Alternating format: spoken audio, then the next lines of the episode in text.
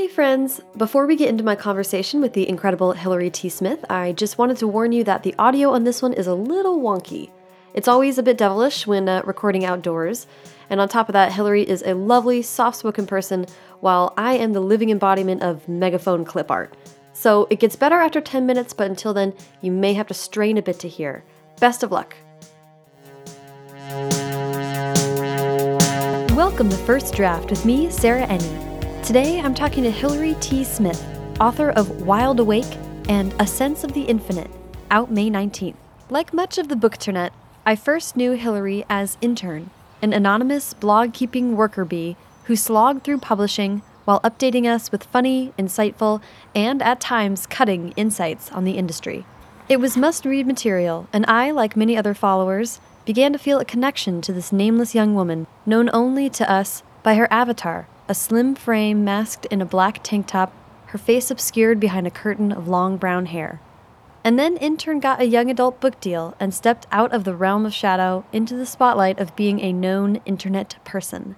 She was and is Hilary T. Smith, and her first book, Wild Awake, blew my freaking mind. Then, like many writers, the task of being a professional author ate into Hilary's internet time. When she reemerged with news of her second book, she revealed she'd traded in her nomadic ways and settled in Portland, Oregon. I caught up with her in Portland's Cathedral Park and felt like I was meeting a mythical being, a Pacific Northwest wood nymph who might disappear at any moment. But Hilary is as real as it gets, and I was so honored to spend the afternoon picking her brain. So, hi, how are you? Hey, Sarah, I am good. Good, it's so nice to meet you. Yeah, you too. Yay! Um, so, do you mind like giving the listener an idea of where we are chatting? Uh, we are in Cathedral Park in the St. John's neighborhood of Portland. It's so pretty. And we're right near the Willamette River, which is sparkling in the January sun. yes. Um, so, where were you born and raised? Um, I was born in Rochester, Minnesota. Yes, that's why I got my American citizenship, despite being from a 100% Canadian family but I grew up in Niagara Falls, Ontario. So, how did that come about? You were born in the U.S., but your family. Yeah, well, my, my parents are Canadian, but uh, my dad was going to medical school in Rochester, so Cool. yeah. I just realized before this interview that I always assumed you were from Seattle, and I don't know why. Oh no! well, I uh, I went to university in uh, Vancouver, British Columbia. Yeah, That's so cool. I've been on the West Coast for maybe ten years or so. Um, well, let's get there. So, okay, so you were mostly raised in Ontario, you said. Right. Yeah. Okay. When did you start writing? Um, I've been writing one of those like writing since I was old, old and pencil, drawing books. I, I like I love to make books and staple them together, and draw all the pictures. Yes, I love. I did that too. so, were you also playing music then, growing up? Definitely. Um, my parents started me in music lessons when I was three years old, and it definitely affected the course of my life. Uh, right now, I'm studying uh, classical Indian music, um, semi full time, uh, tabla and raga singing, and I could not be doing that if I hadn't had those lessons as a three year old. At three years old, what are you studying? Um, it was piano, like group piano classes, but a lot of rhythm and singing and just like getting, being around music. Is there like one particular instrument that became a main one for you growing up? Yeah, um, I played uh, classical piano my whole life until I went to university. I did the whole Royal Conservatory uh, thing. Did you write original stuff also on the piano, or? Um, I did. I got really into composing when I was in high school. And I would compose like pseudo classical, you know, waltzes and fugues and that kind of thing. And fugues. Oh, that's Yeah. amazing. I love that.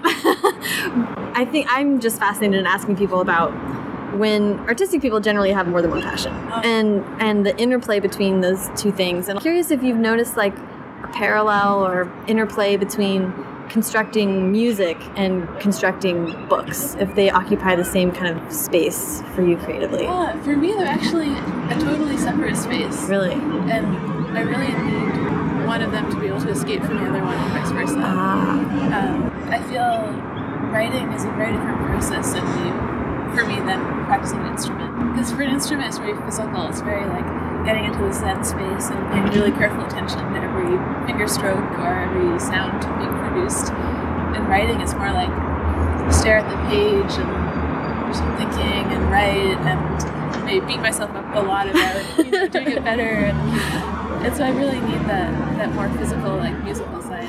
and kind of a presence. Yeah. Like music is about the present moment, and writing is like really feels different. You know, writing, yeah, I mean, you want to be present when you're writing, but then you come back to it and keep changing it and keep fixing it. And so, Mhm. like, that moment keeps evolving, whereas in music, it's kind of that one shot, you know, every time, and then every time it's different. The performative aspect of music is also really different. Sometimes I go to concerts and I just feel like this insane jealousy that these people get an immediate response to what they create. Yeah, right, right. Do you feel like that is helpful to you too to be able to perform like with people and for Yeah. people? I find, um, especially now, you know, playing drums, I'm playing with other people three or four days a week. And it's so wonderful, like, not only because it's less lonely and less isolating, but because it's not about me. Like, I'm supporting their music, kind of being more of an accompanist. Yeah. Oh, that's cool. Yeah, that's really nice. I like the idea of writers finding other outlets that involve other people. it's probably healthy. Why indie music? Well, originally it was my boyfriend Seth who got really, really, really obsessed with this one Indian raga singer, Really? Pran Nath.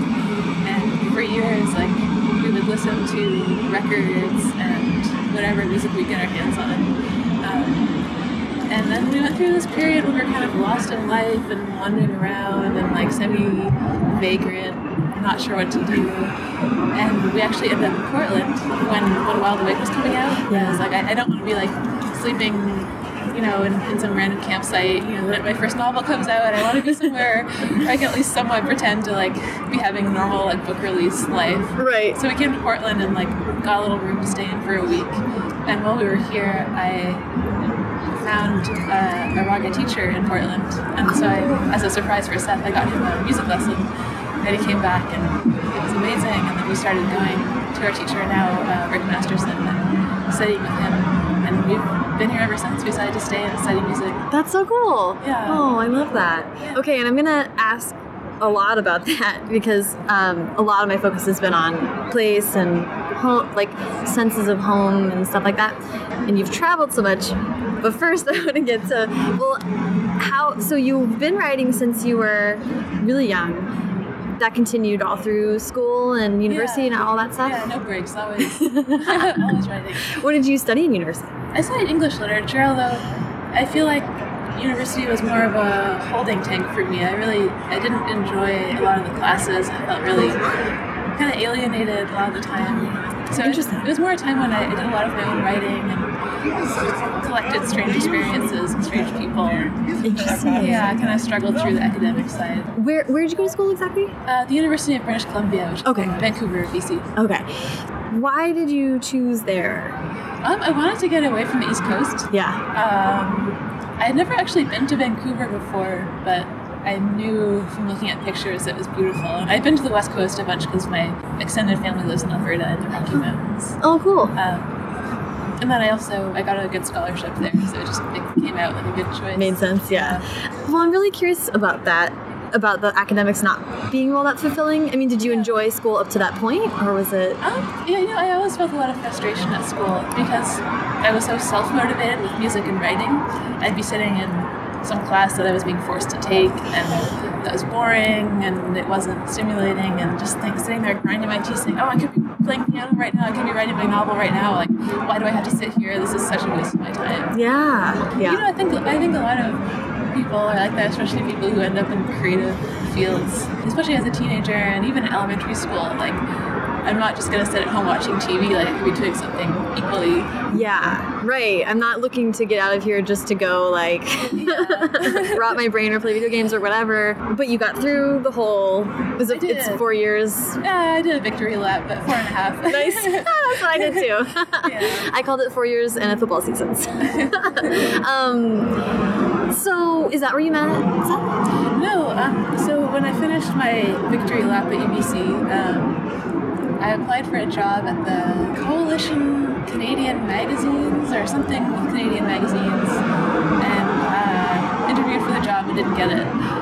And I was already kind of had itchy feet and was wanting to get away for a while. Done a lot of hitchhiking throughout university. I did many big adventures that were wonderful. And so I decided I was going to hitchhike back to San Francisco, where I'd hitchhiked a few years before. so I did, and then I met Seth on my first night in San Francisco. We've been together ever since. That's amazing. Uh, wait, I gotta back up though. Ask about hitchhiking in, while you were in college. What? So you've always been driven to travel. It sounds like. Especially to hitchhike. I was very into Jack Kerouac in high school, um, on the road, you know, that whole thing.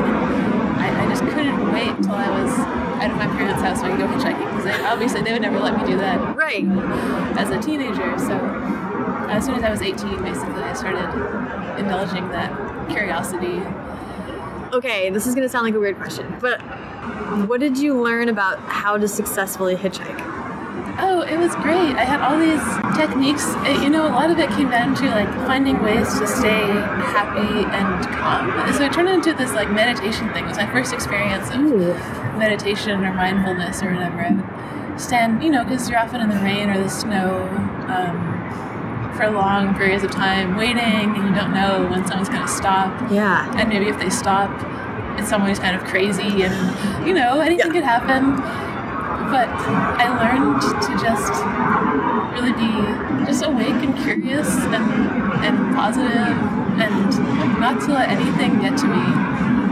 That is so interesting. Yeah, it was a beautiful, and I had this um, copy of The Essential Rumi, uh, translated by Coleman Barks. It was my first Rumi book, and I got it at a bookstore in Vancouver. And I was so inspired by it because Rumi's poetry is all about, you know, being in the moment and trusting the universe, and I, I really connected to that. Yeah, perfect to go along with traveling like that.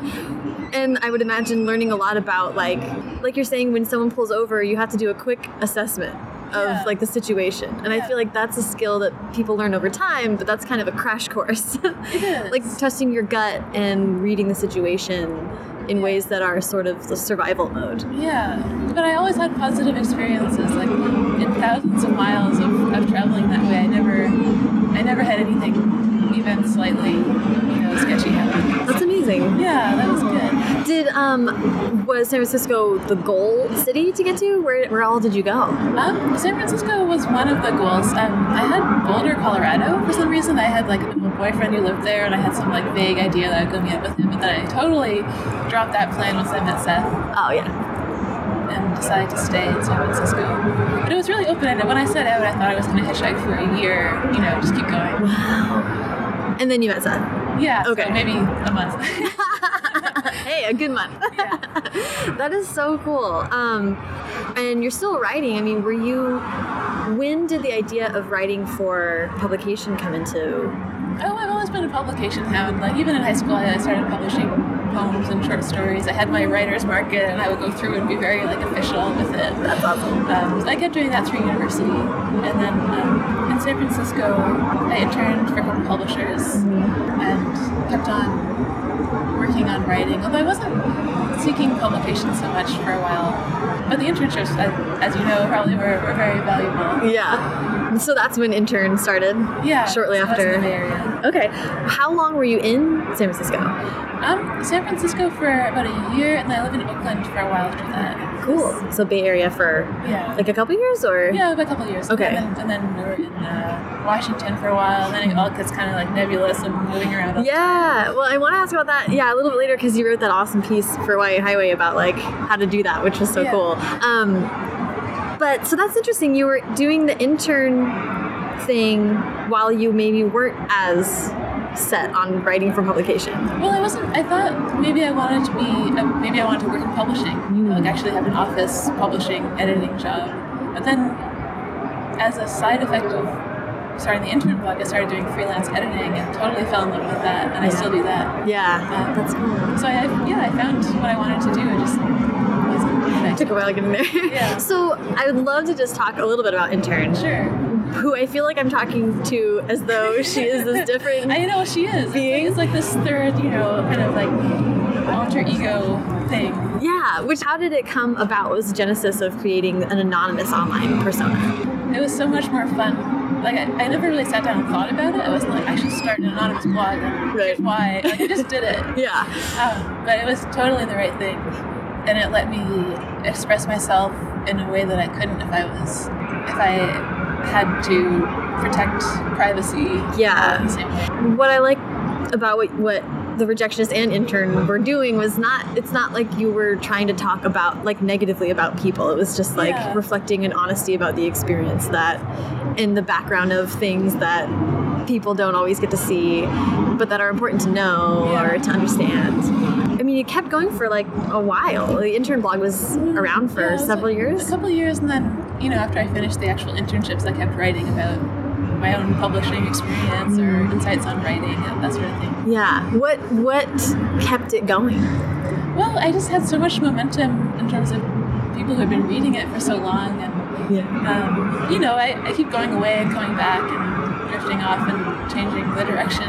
But Mhm. it's nice to have a thread, and it's really hard to, you know, I, I start missing my internet friends if I go away for a long time. Yeah. I miss having these little conversations with them. So. Yeah. When you think about intern now, because she's sort of like also stuck in like space time, like. She's now also that stuck in my, my 23 year old self, you know, which is it's neat to look back and check in with yeah. How did having the ability to kind of step into this anonymous space work for you within your like creative life? It was fabulously confidence building um, because it was something that I didn't have a plan for or any goals for, and it was just pure pleasure. And to see that that that following something that is just pleasure and and uses something that you're naturally enthusiastic about, Yeah. And to see that I could, you know, more or less support myself through that with the editing. It was just it gave me so much confidence in terms of being a freelancer. That's huge, yeah. And what I what I like about it is now we know what you write. I mean, we we know from your books that like the voice of the intern is not the voice of Hilary the writer, you know. Yeah. And I think it's so fun because I think I feel the same way about when I was writing a blog. It was a different voice, so you get to just stretch like kind of different muscles. Well, the medium is the message, you know, like a blog. The tail wags the dog a little. hmm Yeah, it's got to be short, to the point, interesting, funny. Yeah, and, and kind of you kind of adapt to what the audience is, whether it's conscious or unconscious. Yeah. So it's hard to pick apart. Yeah, but fun to think about. I feel like. Um, so, at what point were at what point did Wild Awake or the the next step kind of come about? I had been trying to write this young adult fantasy novel. Oh for wow! A year or two years or something, and I was just flogging myself desperately, and it just wasn't happening. It was I was I was so unsuited to it, and or something. I, Yeah. I haven't even looked at it you know, since I put it away. And around the time that I was, you know, coming to terms that this thing was not going to happen, I got an email from Molly O'Neill at HarperCollins asking if I had any young adult, you know, manuscripts. And I sat there thinking, like, oh no, this is a great opportunity. Here's a HarperCollins editor wanting to read my writing, and now I don't feel like I have anything. So I quickly started writing another book. I said, yes, I have a manuscript. Sure, it'll be ready soon. And I started writing Wild Awake. Oh my gosh! Yeah. Wow. So another little instance of like tail somewhat wagging the dog, but in you know in a way that really turned out wonderfully, and I really really loved having Molly as an editor. So she kind of just kicked you into this other project. Yeah, yeah. Like I can't miss this opportunity, but it's not going to be with this terrible manuscript. so I'm so curious about that. How long did it take you to to bust out Wild Awake? Well, it wasn't fast. Um, uh, I can't remember. I think it maybe a year, but then after, even after it sold to HarperCollins, Molly and I worked on it together for maybe another year. She really invested in the project in a, in a major way. So I got I got really lucky. It was almost like I had this this free mentorship that maybe she wouldn't have offered if she hadn't like known me through the blog. Right.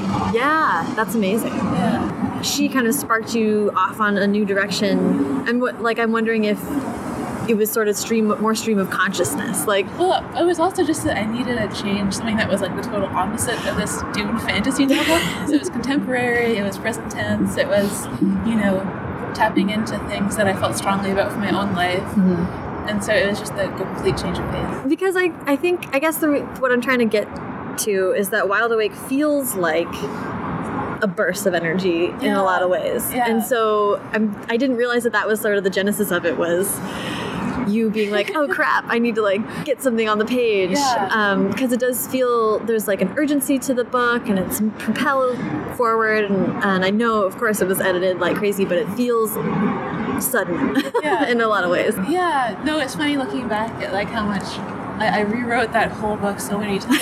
Like every single word changed so many times, Yeah. and yet for it to feel so immediate, it's a big compliment. Oh, I appreciate that. I am glad to give it. I did get this when I read it. I think maybe I was distracted by the music because it was so like playing into what I was writing at the time and what and my own experience as a teen. So I re- really read so much joy in that. But the book is a lot also about mental illness and and internal life versus external experiences. How much was that informed by your life, or what did you want to say about that? Um, it was very much informed by my life. Before I started Wild Awake, I read, I was reading all this writing, you know, writers on writing, that kind of thing. And something I read, I don't remember exactly what it was, but something about thinking of a time in your own life when you felt really strongly about something, or when you know when you were having some major experience, and then not like literally transposing that experience, but tapping into that energy that you had and the emotions and, and exploring that as a way of finding what you want to write about. Yeah. Um, and so I, I thought about it, and for me, the year that I was diagnosed with bipolar was a huge, like catastrophic, you know, thing in my life, and also very beautiful in a lot of ways. And I wanted to to write about those feelings. Yeah. Do you mind sharing a little, like, what was that experience like? How old were you when Yeah. that happened? Um, I was 19, you know, 19 through 20 through 21, had this like three years span when it was at its most tumultuous. Mhm. Um, in in my third year of university through fourth year, and, you know, it's always hard to pinpoint the beginnings of these things, but um, I, I stopped sleeping uh, pretty much 100%. You know, by the time it was like, this is really nuts, you know. Right. Um, and it was a time, you know, the, the early 20s are always a really intense time. And it's hard to pick apart where mental experience ends and where just normal life, whatever, you know. It was, Yeah. it was the first time I was like experimenting with drugs and, and you know, different boyfriends and lots of roommates and partying a lot. And, Yeah. you know, all those, all those forces and then not sleeping and uh, a lot of depression, but then but then a lot of energy and doing Yeah. weird stuff all the time, and um, it just all came together. And and to this day, like maybe I, I'm not sure how much I buy into the mental health system that we have now or the labels that we put on it, Yeah. um, which is why I was careful not to use the word bipolar in Wild Awake Mhm. or or introduce a lot of psychiatric stuff. Yeah. I think that's a really interesting choice and like a freeing one for the book itself because I think people are able to read into it what experience because I think everyone has like what you're saying everyone has these experiences then there's these moments where you look around and you try, have to like compare yourself to other your experiences to other people's experiences and see like whether what you're experiencing is like normal or shared by those around you and that's always tough and interesting. Just the experience of having your brain change a lot and seeing the world through this very absurd, crystalline, changed lens for a while, and then realizing that your lens is always changing. Yeah. Is that something that you are interested in continuing to explore through fiction, or are you?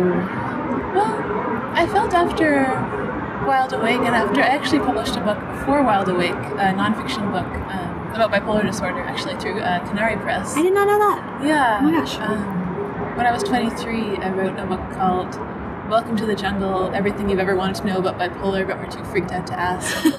And wow. it's, it's still in print now, it's still like out there. Um, Okay. But then I wrote Wild Awake, and then I was kind of feeling like I'm, I'm writing too much about mental illness. I need to like give it a rest. Mhm. Um, I don't want to be like a one a one trick pony issue like person. Right. Right. Um, but it's something that is always like close to my mind, and I'm always going to be curious about it and exploring it and, and dancing with it in my own life. You know, Yeah. I'm by no means totally without changes now. Right. How does balancing your like personal life and health balance with writing can be really up and down Yeah. on its own.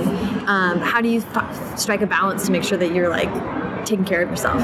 Well, that's been really difficult. Um, most of all, I feel very grateful that I've been able to um, be self employed because there are times, weeks, or months when I definitely could not go to a nine to five and be in that environment or, or even like just straight up be there. Um, and so being able to write and edit and make my own way under my own terms has been invaluable for me. I mean, even people who, who don't have some diagnosable mental illness, like writing can be really crushing and, and really exhilarating. Mm-hmm. It's sometimes hard, you know, when a book is finished and it's out and it feels like a done thing. It can be easy to forget all the the struggles and madness that went into it. Right, right. It's just rosy in the rear view Yeah. sometimes. I I have this book coming out now, A Sense of the Infinite, and I'm so so happy for it to be coming out. And but then I looked through my journals, like my diaries from the two years when I was writing it, and I was going through hell, like trying to write this thing. It was horrible. yeah, yeah. I'm so glad it's over, and I'm so happy with how it turned out. That is, I uh, was going back and reading your blog post, and Yeah. the way that you described Wild Awake on its release day was so interesting because you were like described releasing it and like that it was sort of being. I think the analogy used was like a forest fire, and that there was new growth where Wild Awake used to be now, and it seemed like. it's sort of like joy at chopping off a limb or something. Yeah, yeah. like, Finally, this thing is gone. Yeah, I'm so interested in that like feeling of unloading Yeah. rather than considering to be like a child or something. Yeah. I really feel a total. I'm like a, a mother turtle. You know, like turtles have their eggs and they swim away and the egg hatches and, you know, there's no more mom. Know? Right. That way about my books. Everything I do, I'm just like, oh, like that egg is hatched. I'm gone. That's so interesting. Yeah. And would be a challenge considered like by the time a book is published, like you really are so distant from it. Like Yeah, I finished that thing a year ago. Like, don't talk to me about that are you feeling the same thing now about the Yeah. sense of the infinite? I, I do feel the same thing. I feel, well, on the one hand, it's kind of satisfying to finally get to talk about it because obviously when you're revising and writing, like, at least for me, I don't talk about it with anyone. Um, so it, it, it's kind of a sense of closure for me maybe to talk about it. Yeah. Um, and I think I'm also glad for the distance with this book. I think it would have been a lot harder to talk about it if I had just finished writing it because the writing process was so hard.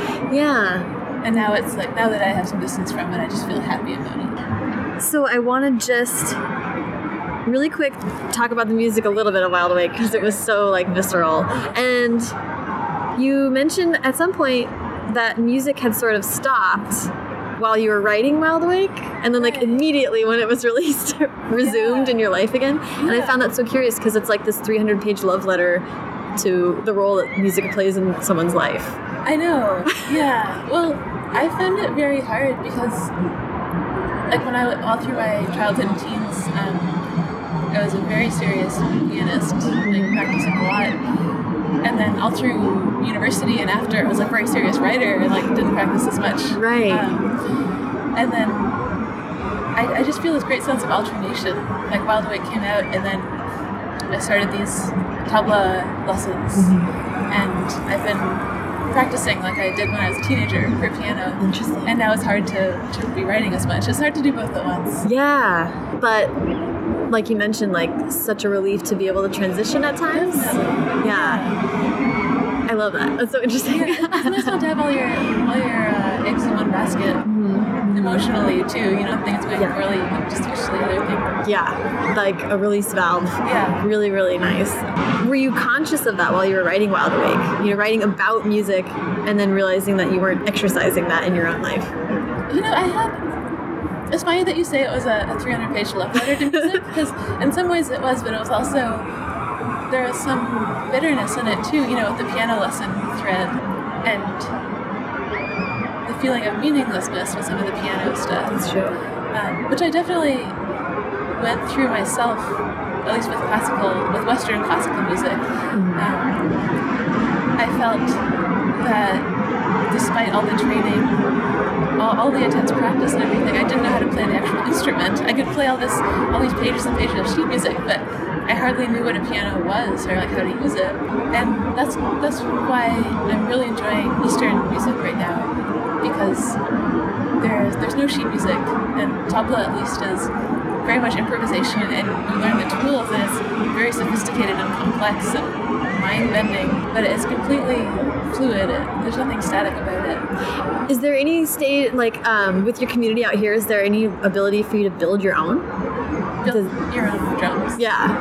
Um, I've been learning how to rehead them, Ooh, but cool. uh, building your own would be quite an undertaking. And yeah. I'm not a very skilled. Uh, crafts person. I'm just curious because it's like I I think that's so like so interesting to think about knowing the piano but not knowing the piano like yeah. I mean less in terms of like physical construction and right. more like being able to sit down and make the music in my head yeah. um, in a in a more complex way. You know i i can compose little pieces and, but when when it came to playing with other people i felt really stuck i didn't learn how to integrate with other people. But now now i can. I kind of taught myself later. Yeah just from that Wild Awake period, that was the period where you were sort of like on the road right. on a permanent basis. Yeah, I wrote a lot of it uh, living in my van. Mm-hmm. Um, and then when living in the van was getting old, um, Seth and I moved into this little shack on a giant ranch in Northern California owned by our friend's boyfriend.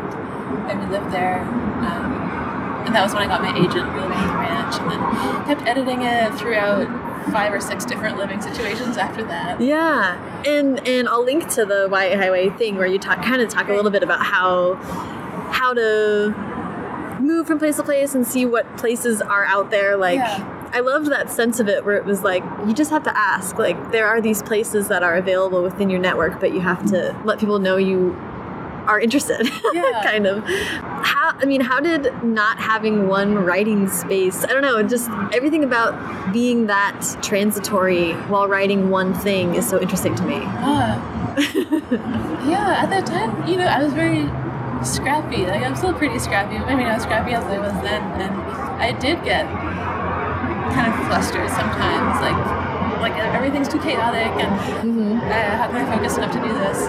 But it really anchored me. Yeah.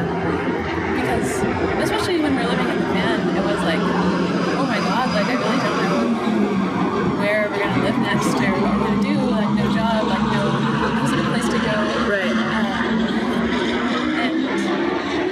and I wasn't. I'm not a good enough hippie to just be like, oh man, like we're just flowing. It's so cool.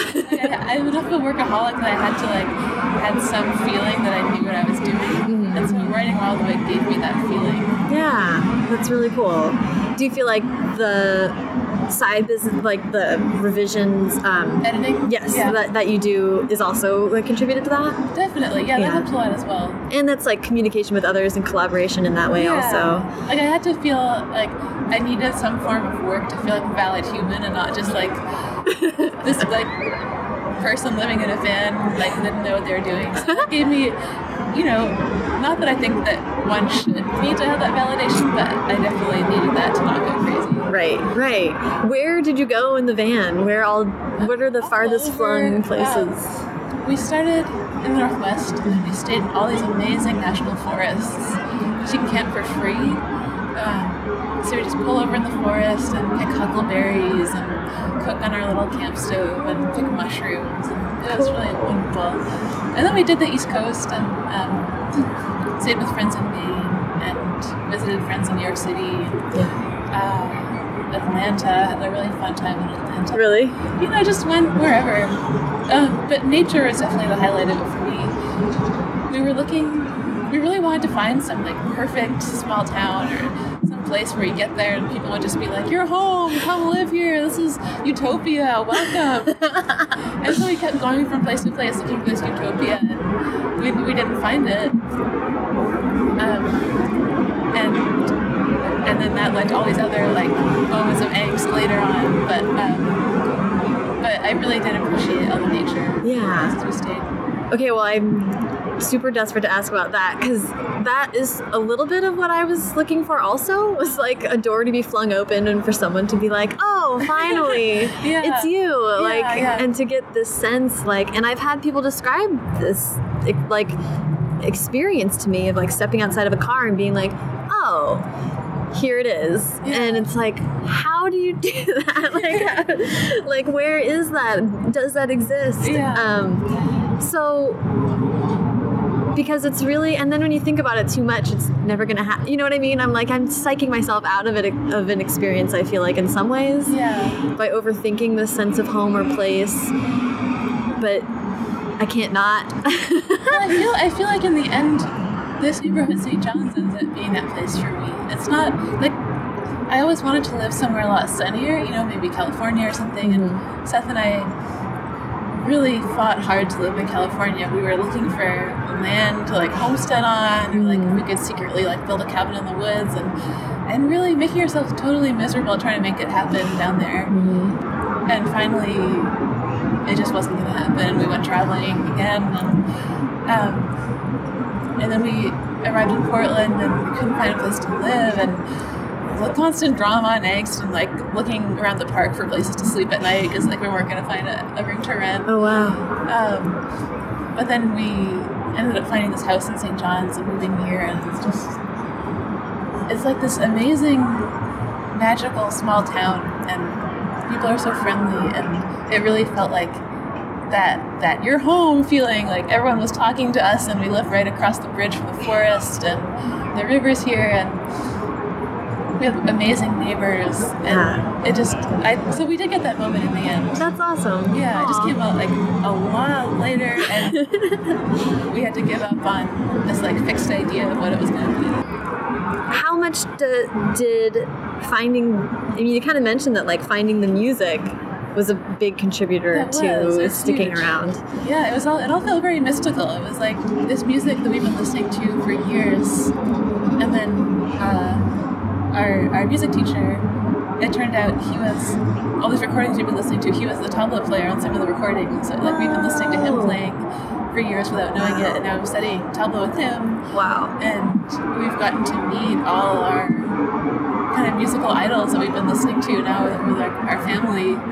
And that's wild yeah, it's really crazy how it came together. Yeah. A sense of the infinite.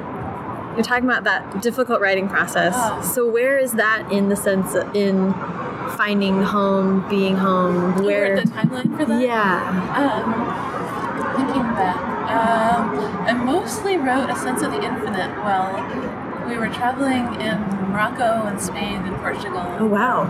Because after we gave up on California, like, California's not letting us in. Like, we don't have enough money. Like, this isn't gonna happen. Um, so we went traveling Overseas. because we had an idea. Maybe we'll move to Spain and we'll live in a cave in Spain. You know, like Yeah. always the next dream. Right? Yeah. Um, and so we were traveling around, and I was. Uh, the manuscript started out at all these false starts. I was, I, I was like, I have to deliver a second novel. Like, oh my god, what am I going to write? And I kept writing things and throwing them out. And um, finally, I, I started writing this one manuscript. I decided this is just going to be it. I have to commit. Yeah. Um, but then the whole time we were traveling, I kept secretly, because by now I was too, I wouldn't even tell Seth. I was ashamed to admit that I was still deleting everything I wrote. Oh wow. Because my deadline, I now had a deadline. It was like eight months, six months, five months, and I was still, I would write a 100,000 words. You know, this is not like a few pages I was deleting. I would delete the whole thing. Just, this Yeah. isn't right. Boom, delete. Um, Wow. and start over like in secret. It was madness. It was complete madness. Wow. And um, finally, we got to Portugal, and we ended up meeting this amazing woman uh, named Victoria Ratledge, and she had this little permaculture farm in the hills in this tiny, tiny village. And she was just the most magical, like healer lady, and it was it was like a, a fairy godmother. And she said, "Come, stay with me. Stay as long as you want. Um, I am going to Belgium. Stay and house sit for me at my permaculture farm." And Wow. so we stayed for about a month there, and she she really helped me turn the corner because um, she had some magical words of advice that I am now totally blanking on. Oh. But she said something that made me feel okay, and then I started like page one again. Wow. I just wrote the book, and then I finally had like manuscript, and of course I edited it like crazy. All that later, but. um, What was what was wrong? What were you sensing that was it like a whole plot thing or characters wrong? What was Well, at first, at the very, very, very, very, very beginning, it was because I couldn't get Kiri's voice out of my head from Wild Awake. Ah. Every character I started writing ended up sounding like Kiri, and it driving me crazy. It was like I had some like weird disease and I could only write this one voice. Um, and she's so distinctive it would have been. it yeah, it Very just driving me obvious. I tried like writing a different gender, like in a different tense, and all these different tricks to try and knock it out of me. But it finally just took time. I just needed like enough days to pass to not have that in my head. Yeah. Um, um, I also I switched to past tense. I was originally trying to write in present tense again, and that helped. Just little super mundane little things. Mm-hmm. But I was also realizing the kind of story I wanted to write, and I wanted to write. I wanted to write a book that was a good companion to Wild Awake. So not similar to Wild Awake, not like identical, but having all these little, to my eye at least, little Easter eggs and things that like it's like the inverse kind of yang, yin yang, you know, Interesting. Awake. Uh, and maybe no one else will see that, but to me it was important for me to like characterize it in my own mind that way. Yeah. Well, and I'm not like I'm I think I'm about 100 pages in or so. Yeah. So I'm not all that far, but it is it's very in where Wild Awake was out. Yeah. In Yeah, it's the yin, the little like mm-hmm. shadow side. Mm-hmm. yeah, reading reading what I've read so far mm-hmm. and then reading your blog posts about about writing it and sort of about I think maybe blog posts that are just really recent just about where you're at maybe even post finishing the book itself but a sense of like it's like eco lit. I took an eco lit class in college and I was like oh I think this is like what she's talking about. Sort of this like what I've been getting from your blogs is a real sense of just being upset like not with the publishing industry but with industry. Mm. And and the structures that we've like superimposed on ourselves and like society and the book is this sort of subtle revolt in what i've read so far against that Yeah, yeah. I think subtle revolt is a good characterization, and hopefully not so subtle in some ways, especially Yeah. later in the book. Um, I, I do feel frustration with the, the systems that we're enmeshed in, um, and quite specifically at the publishing industry, and, and even more specifically at the young adult industry is enmeshed in. And you know, I don't think there's I'm not blaming anyone, um, and I think that there's a tremendous amount of good that is also coming out of, of the publishing industry and out of young adult.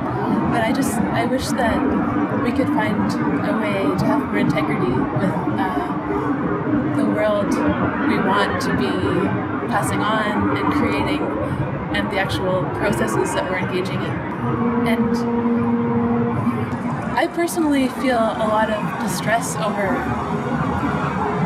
the loss of wild nature and over consumerism and over the general degeneration of aesthetics that comes along in industrial society. I don't like being in ugly places that were built not really making the world better. A lot of what we see around us, like like the physical reality that we inhabit, is just things that have been extruded by corporations with the result of extracting money, and there really is no accountability um, and no sense of responsibility. And it was starting to bother me that a lot of the books being published, talking about young adults, so I'll just confine myself to that space hmm. for now. but there is no there's no howling about that. Right. And and a lot of books is just about accepting things exactly as they are and winning the talent contest or getting the boy or bringing down some dystopia. But what about today's dystopia? Right.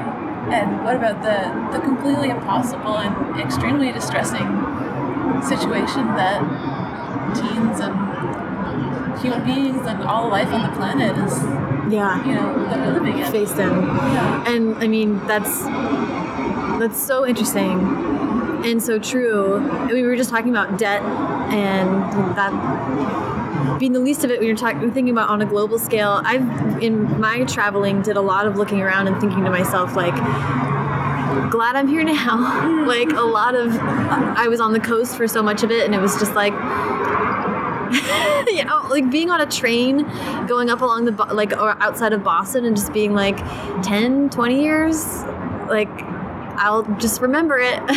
Yeah. and it's so upsetting to be able to have that thought and then not and that's such an insane thought and the fact that we're not like all up in arms about Yeah. that it's a reality is crazy. Yeah, that we're we're just filled with distraction and no one's responsible. There's no sense of responsibility.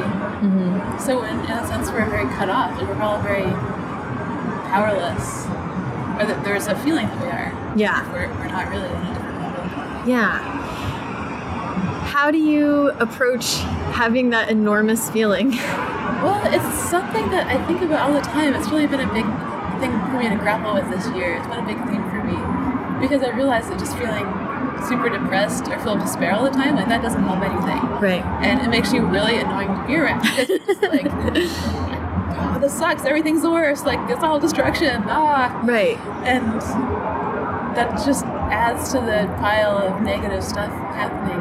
I'm doing a lot of reading. It's been helpful to read other, you know, philosophy and people who are writing about the environment. And first of all, just realizing that there are lots of other people thinking about this and engaged in it, and it, not feeling so isolated. Yeah. Um, and things that are very small, um, working a lot with native plants and volunteering, um, which I realize isn't going to save the forest from being clear cut, but it on a on a small level, like it does make me feel better. And then, to be perfectly honest, I'm still looking for the way that I can fit myself in with something bigger Yeah. and have a bigger impact. And I haven't found it yet, but it's been on my mind and I've been actively looking for that. Yeah. I mean, it's sort of like like the desperation is there in your blog post of just like what how can we Where do we go from here? yeah how can we do this? And um and the the the ecolit class i did take in in college was so fascinating because it was people sort of like radical environmentalist ideas. And and the way that it was expressed through literature was fascinating. And it can be powerful to write about about it and to get that. I think that's what you're kind of going out a little bit is getting these ideas into the hands of young readers and introducing them to like it's possible to be upset about this problem and to try to do something about it. One thing I have been thinking about is that um, because from my own searching and looking around, you know, there's like Citizens Against Air Pollution, or there's numbers you could call to report if there's like oil in your river. And but the problem is that people don't do it. Like if everyone in the neighborhood, if if twenty thousand people called in Right. when there was oil in the river or something, then things could really happen. But the problem is, it's maybe five or six old like bird ladies in the neighborhood, and they all go to their bird meetings, and they're the ones who call in, and nothing happens. Right. I mean, not to devalue their work, because like they're they're essential, but Mhm. we really need orders of magnitude greater involvement. And I thought to myself, what if, like, why aren't high schoolers going to civic meetings, and why aren't high schoolers commenting on the general, like, comprehensive plan for the city? Right. And why isn't that even part of school? Like, they're our potentially most amazing resource for changing things. Yeah. So yeah. might be where where the, the future lies. Yeah. I think I think because people are born into this world and it's the only one they've ever known. Like I don't know a world before 1986. I didn't Mhm. see it you know, and it was more wild or different in some way. Um, and it takes a lot of mental reconditioning to look around and say, oh, it, it doesn't have to be like this, or it could be better if it was this other way. Mm-hmm. But it's a big leap, and it makes sense that people who aren't aware of it already, like, they're not going to necessarily stumble onto that realization without some external prodding. Right. So maybe you can be an external prod Yeah. prodder. well, that's awesome, and I, and I think you know, was that an explicit goal with Sense of the Infinite, or was that just sort of a theme that? I had no idea I wanted to write about nature until deep into the writing process. It was something that started coming out on its own. Um, there is a lot of howling in, in that book um, about different things, and one of the big howls is a dawning sense that um, that we're in the process of creating a world that nobody loves, and how utterly insane and unhuman that is. Yeah. Wow. that's a pretty big thesis, um, and worth howling about. I love hearing about how, and I was just thinking about this for myself, how books write you in a strange way. Yeah, right. They, they, it's not one-sided. Yeah, they poke back. Yeah, yeah, yes, and then there's sort of something embarrassing about the moment of realization of, oh, I was trying to tell myself this for two years, Ah. and it took this long Yeah. for something that now feels explicit to become clear to me. I don't know. I. I was like, maybe I was thinking about it with my own book and being like, I'm kind of dumb. my writing brain is way smarter than me. Yeah, And it's helping me catch up. these things that it wants to put out there. Yeah. Um, so I'm glad I can tap into it in some way and give it a voice somehow. Um, the and we talked about the difficult writing process. I mean, did you take a big long break after that? It sounds like that was maybe a little bit traumatic. You know, it's important for me not to write for the sake of writing. After finishing A Sense of the Infinite, I really I felt like I wanted something really strong to grab me that, that I really had to write. Yeah. I also I also feel kind of mystical about it. Like I've always had this with writing. Every time I finish a project, I feel like I'm never going to write again. Um, I started trusting that. I'm like, well, if I'm meant to write again, I will. So I'm not going to freak out about it too much. And, and because I, I don't feel like the world needs my books. You know, the world isn't like, oh, Hilary, like, please write more books. We're desperate. You know, so I'm not going to like knock myself out to write books that even I don't want to write. You know, Mhm, so mhm. it has to be something that feels really meaningful.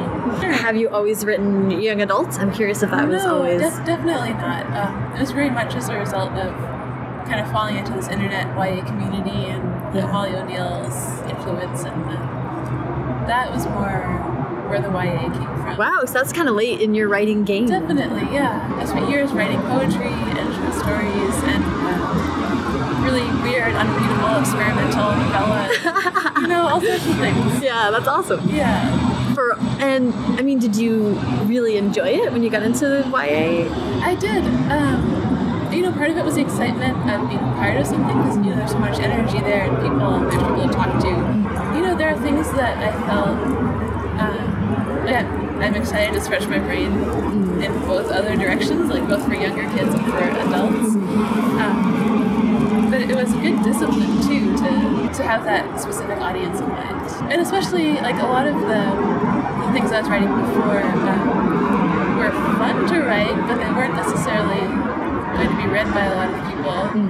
And they weren't maybe as generous in a sense. They were more kind of selfish and obscure and impenetrable. And forcing myself to broaden and be like, okay, people are going to read this and I need to let them in and like show them the heart of the story and I can't like hide it away and make it really hard to, to pick apart. That's so interesting. Yeah. I like that. Yeah, I, but by that I don't I don't mean like dumbing it down or making it like super accessible. I just mean not being intentionally like elitist or or yeah obscure. So, okay, one more thing, and then I'll ask about writing advice. I'm kind of wrapping up with writing advice. Um, Because I wrote this quote down because it like stuck out to me so much, and we sort of talked about finding home already. But you wrote in your blog, June 2013, so it was like a while ago, but not that long ago. Oh. Um, said, I've lost track of where my belongings are and I feel almost as scattered myself. Like I've been shuttling around so much, there's no hope of ever getting all the pieces of myself back in one place again. And I thought that was so profound given that you have now sort of found Right. a place to put the pieces. Yeah, that's been a big shift for me. Yeah.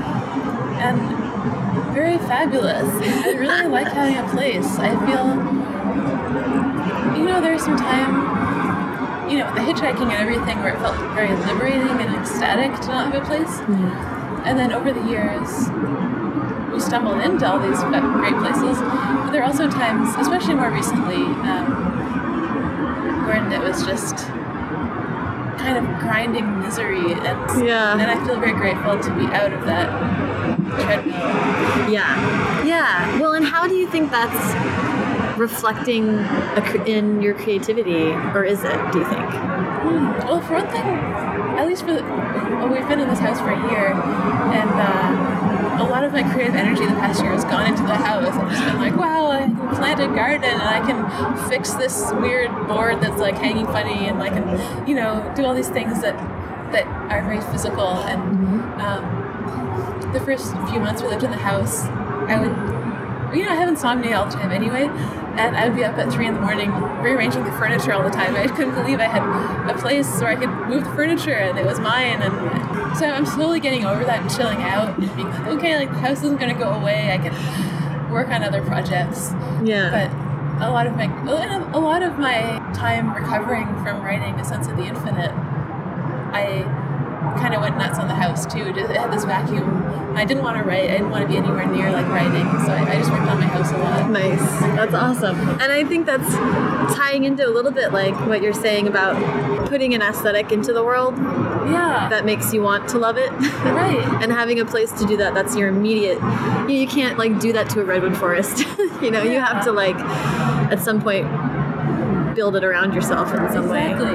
That's so interesting. Yeah, I love it. I would be out in my garden like all day digging things. And it was just when we moved in, it was just bare grass. The whole like there was no plants like Wow. whatsoever. So I've been rehabilitating it, and it's been so great. That's awesome. So we've kind of been wrapping up the podcast with writing advice, I, and I would love to hear you, of course, like also like edit for. I mean, you have given a lot of advice as intern, Yes. and then you have a wealth of sort of experience. I'd love to hear writing advice for for brand new writers, but also like maybe writing advice from the editing side, like putting on that different hat. What you would tell writers. Well, the most important piece of writing advice I would give anyone at any stage of their writing is something that I learned through music. Like, wrapping it back to music again. Um, and that is don't play the instructions, play the instrument. And what I mean by that is, um, a while ago, I was watching a friend of mine trying to learn guitar, and she wanted me to teach her how to play guitar. I, I'm not good at guitar, but I can play some chords, you know, I can find my way around. Um, and I kept, you know, I'd show her a chord, and then five seconds later, she'd want to see a different chord, and then she'd get out uh, these guitar tabs on the internet be squinting at the screen and trying to. And she wasn't paying any attention to the actual guitar or the sound it was making or what it felt like to hold it. And just wasn't being present with the instrument. And I totally relate to that because when I was trying to teach myself guitar in university, I did the same thing. I, I looked at the screen, I looked at the book, I looked at the tuner, I looked anywhere except at the guitar. Yeah. And I put my attention everywhere except on the actual instrument. And I feel like a lot of writers do the same thing. Um, they're looking at writing advice, they're reading blog posts, they're making lists of things that their book should be like. Um, and checking all these boxes and they're not uh, listening to the music, whatever that is for them. Yeah. Um, and this is not like a black and white thing. It's not like you are always doing that or always not doing it, but it's something that you can slip into if you get anxious or nervous about the process.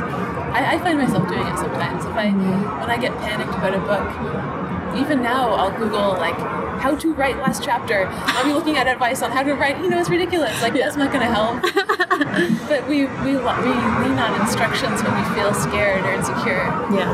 Um, and often all it takes is just stop and and try to see the the thing itself. Like, what is this living thing that is a story, or what the musical instrument? Instruments are living things as well. Yeah. And and they're not little machines that you're you're tuning. Yeah. So that's my that's my advice. Is, I like that. Always check in and make sure that you're you're actually listening to the music or, or the story, um, and you're not playing to the instructions. Yeah. And my advice for people who are editing, Yeah. and this might be terrible advice because I'm maybe very extreme on this point, but I'm a big fan of deletion. You know, as you know, like I told Yeah. you that whole story, um, deleting entire manuscripts, entire drafts, several times and rewriting. I, I advise my editing clients to do a lot of deletion too. And never, never, I would never condemn anyone to delete their whole manuscript the way I do to myself. um, but having the confidence to know that it's, it's again treating the story as a living thing. Like the story isn't that 500 words you had there. The story is this other thing, and it's alive, and, and it's still going to be alive if, if those words change. Yeah. Um, and so, getting over the fear of like of like clinging to certain things that um, that you want to be fixed, that maybe they don't have to be fixed. Yeah. Um, I love that. Well, thank you, dude. That is awesome. This is a great conversation. Yeah, it was a great conversation.